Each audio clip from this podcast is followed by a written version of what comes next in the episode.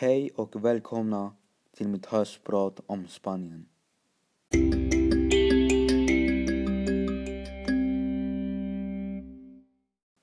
Det var lördag morgon när jag vaknade förväntansfull i min säng. Jag sträckte på mig i sängen där jag låg.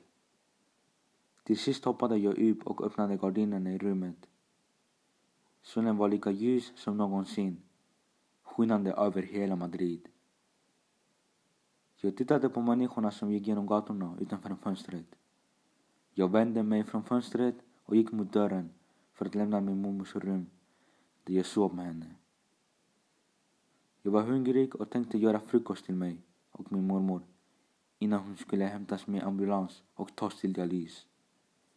Det låter allvarligt med ambulans men faktum är att hon fick dialys tre gånger i veckan. Allt var väldigt regelbundet.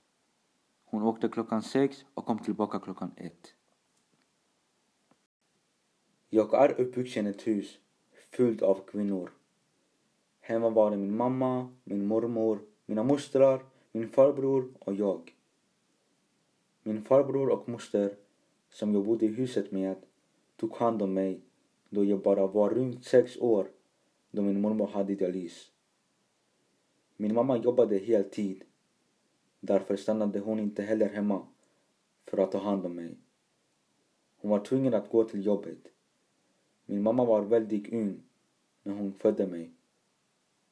Detta innebar att hon ibland gick på diskoteket med sina vänner på natten innan jag somnade. Jag var med min mormor då. Trots att min mamma var mycket ung var hon påsedd och vis mogen. När hon var ute med vänner drack mamma aldrig alkohol. Hon rökte inte heller. Försökte vara en förebild och ett gott exempel för mig. Hon vill ge mig en framtid och en god uppfostran så att utbildning och jobb kunde nås för både mig och min mamma. Jag gick i en skola som heter Miguel de Libes. Den ligger i delen av Collado Villalba där jag bodde i min mormors lägenhet. Jag började gå på dagis när jag var ett år.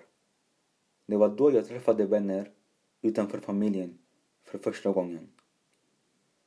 En liten flicka och jag blev vänner och hon var min bästa vän från början till slutet av dagis. Vi två var oskiljaktiga. Bästa vänner även i de stunder då hela klassen sov sida vid sida med en partner bredvid. Jag och min bästis sov alltid bredvid varandra i vardagsrummet när det var tupphur. Vi låg på mattor, var och en med sin egen filt. På dagis, när jag uppförde mig illa, minns jag att läraren sa till oss att gå och stå i ett hörn och titta mot vägen och inte titta bakåt.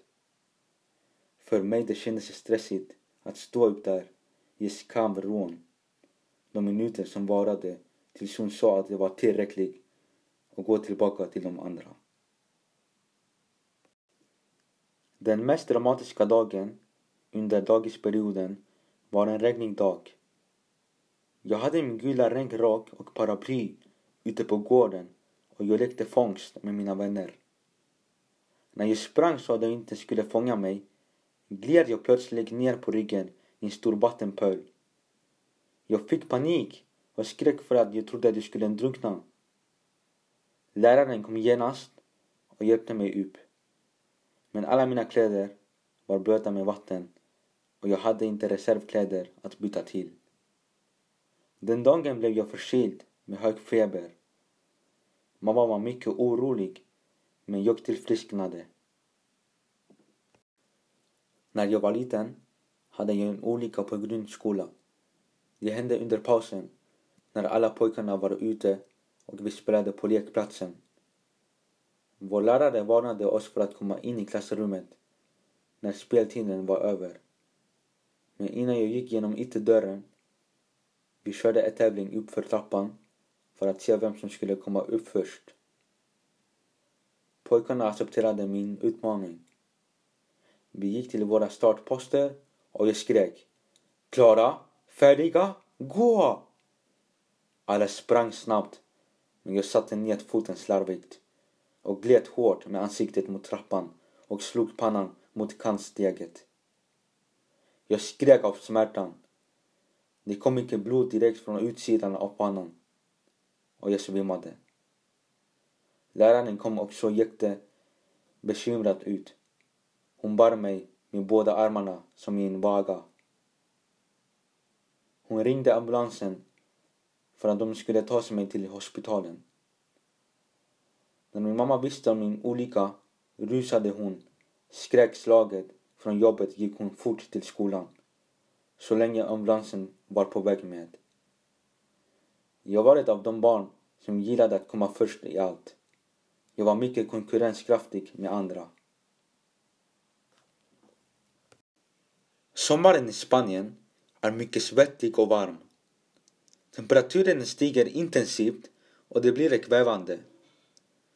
Under de mest heta dagarna är det bättre att gå i underkläderna eller ta en kall dusch. Ett annan metod är att undvika att stanna hemma där man dör av värmen. Jag och mina kompisar gick ofta till köpcentret eftersom det är svalt där inne. På sommaren i Järva tog vi chansen att åka cykel eller skateboard till parken. Men det vi gillade mest var att spela fotboll, ofta på det stora torget. Vi hade mycket kul under dessa tider. En av anledningarna till att jag älskar mina vänner mycket är alla dessa goda minnen. Jag vet att de känner samma mot mig, men tyvärr är vi långt ifrån varandra nu. Nu för tiden, när vi är i Spanien på semester, brukar jag gå till poolen ofta eller ibland åker vi till stränderna längs i kusten med familjen. Där tillbringar vi hela dagen. Ett annat alternativ, som är min favorit, är att äta glass när det blir riktigt heta dagar i Madrid.